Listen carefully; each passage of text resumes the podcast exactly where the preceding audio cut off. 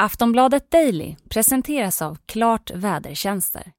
A historic heat wave threatens all time records in the Pacific Northwest. Triple digit temperatures are prompting many cities to open cooling stations.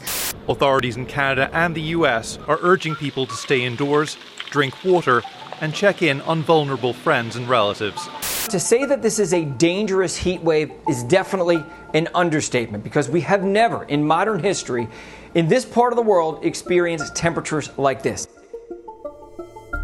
Den senaste veckan har varit den varmaste i Kanada någonsin.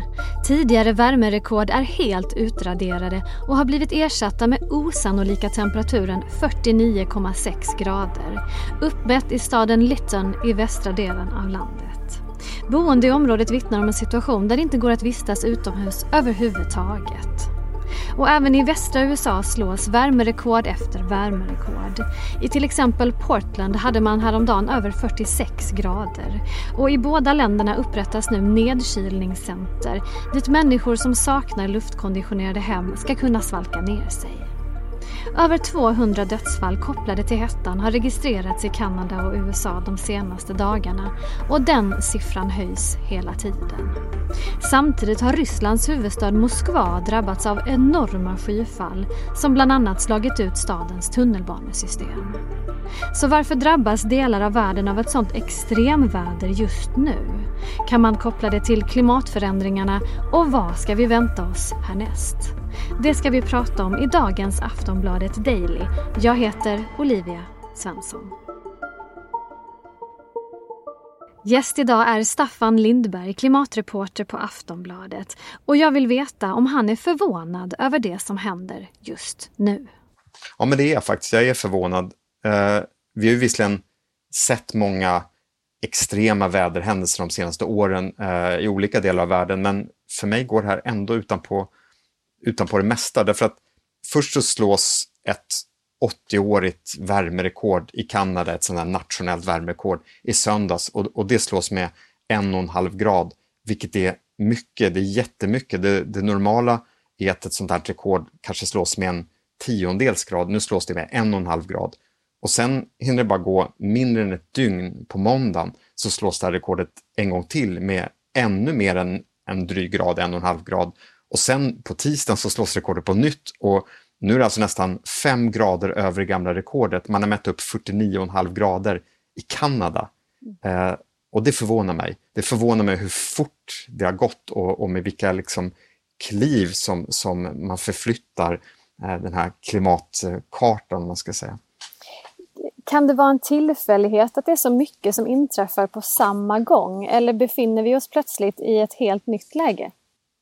Jag skulle sticka ut hakan lite och säga att det är ingen tillfälligt. Det här är klimatförändringarna. Visst, nu finns det de som invänder och säger att man måste skilja på klimat och väder. Och, och det är såklart sant. Man måste skilja på enskilda väderhändelser och klimatet. Det vi ser nu i, i, i västra Nordamerika, det är just extremt väder och, och det går inte att knyta en enskild väderhändelse direkt till klimatförändringarna. Vi har ju haft värmeböljor tidigare under 1900-talet, men samtidigt, det klimatförändringarna gör, och det här vet forskarna mycket väl, både genom eh, sina klimatmodeller och genom sina observationer, det är att just de här extrema väderhändelserna, de blir vanligare med klimatförändringarna. De blir vanligare och de blir ännu extremare och ännu farligare. Så att klimatförändringarna innebär mer sånt här väder. Och när vi då ser det här extrema och vi ser att, att det inte bara är extremt varmt utan du dessutom helt förflyttar vad som är extremt varmt i ett land som Kanada, eh, ja, då, då, skulle jag säga att då går det att knyta direkt till, till klimatförändringarna. För jag menar, det vi ser nu med människor som, som dör i hettan i ett rikt land på norra halvklotet, ett land ganska likt vårt eget. Människor som ligger under kallfläktar, utslagna i sådana här så kallade cooling center som myndigheterna tillhandahåller. Ja, det är på något sätt bilden av klimatförändringarna. Det är precis det här som det handlar om. Kan man också se någon slags dominoeffekt när det gäller den här typen av extremväder? Alltså att det ena genererar det andra. Jag tänker på Moskva. Det här otroliga katastrofregnet som de har haft, det kom ju direkt efter en värmebölja. Alltså, klimatförändringar ger just mer extremt väder och, och extremt väder kan innebära en våldsam hetta, men, men det kan också innebära stora mängder nederbörd, eh, regn eller snö på vintern. Eh, och det kommer att innebära det och, och, det kan också innebära annat, till exempel kalla perioder när till exempel som vi såg i fjol när en, en otrolig värmebölja las och parkerade i Arktis, över Nordpolen och Arktis, och då tryckte den ner den kalluften som borde varit här söderut till oss och till människorna i Nordamerika. Så att absolut, allt hänger ihop och, och den röda tråden är just mer av det här extrema.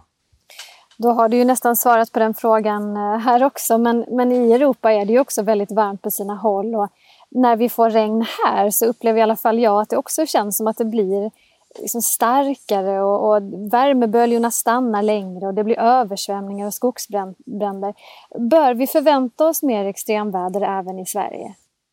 Definitivt, det är precis det vi måste förvänta oss. Och, och det är också vad vi kommer behöva rusta oss för. Jag skulle säga att även om vi lyckas minska utsläppen och även om vi lyckas uppfylla Eh, Parisavtalets mål om att begränsa temperaturhöjningen i världen till en och en halv grad så kommer vi få se mer över extremvädret. Eh, för att det vi ser nu, det är egentligen redan inbyggt i systemet. Det här är priset, om man vill, för, för gamla utsläpp, för gamla synder. Eh, så att även om vi lyckas minska alla utsläpp från idag så kommer i alla fall den här utvecklingen fortsätta en tid.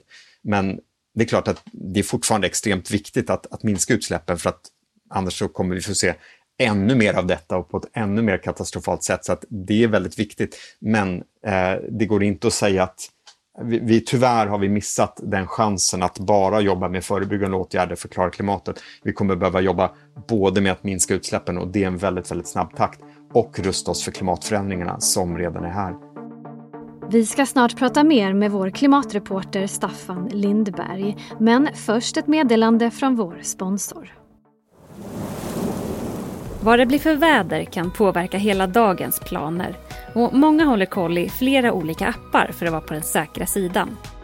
Men med Klart kan du jämföra prognoser från tre olika vädertjänster på ett och samma ställe, berättar Mikael Sjöstrand, meteorolog på Klart. Vädret i Sverige skiftar ju och väderprognoserna kan vara olika för olika väderinstitut. Så genom att använda jämförelsefunktionen kan du få en lättförståelig sannolikhetsfördelning för vilket väder som det blir hos dig.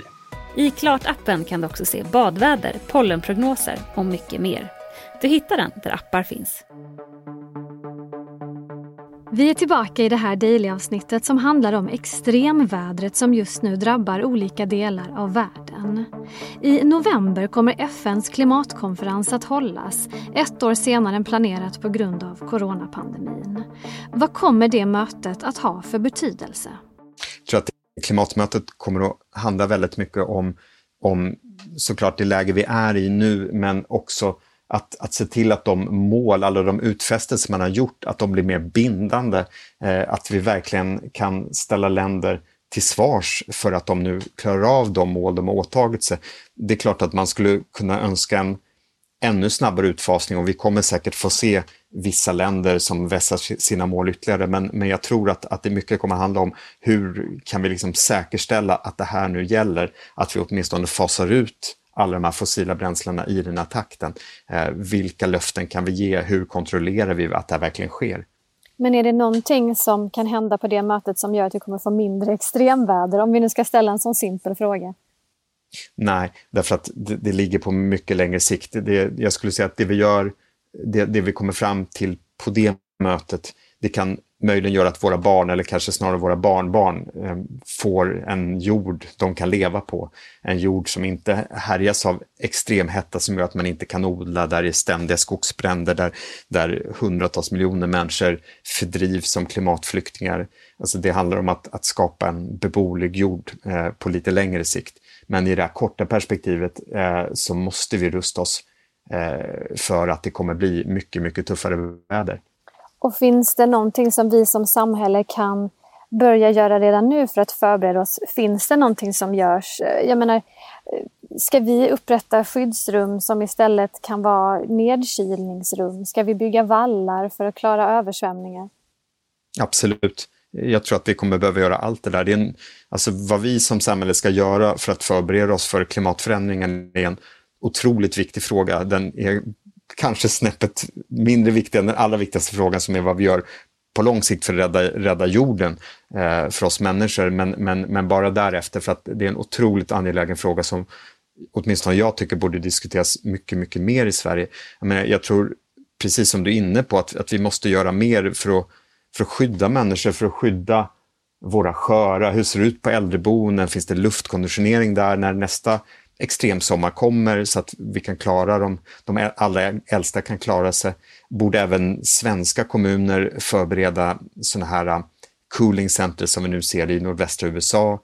Eh, så att det finns där. Hur, hur kommer vårt jordbruk klara sig vid en torka?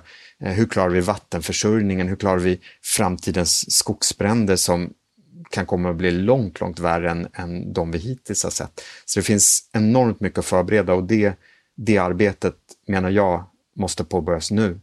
Och tror du att politikerna är redo för att påbörja det arbetet? Tror du att de tar det här på tillräckligt stort allvar? Eh, nej, jag är inte helt säker därför att det är en ganska, ganska abstrakt fråga som man kanske inte självklart vinner väljare på. Jag tror att tyvärr, det är en svaghet som finns, så, så, så är det först när vi får se de här tuffa följderna eh, som vi människor, eh, gemene man, engagerar sig och när gemene man engagerar sig, då svarar politikerna.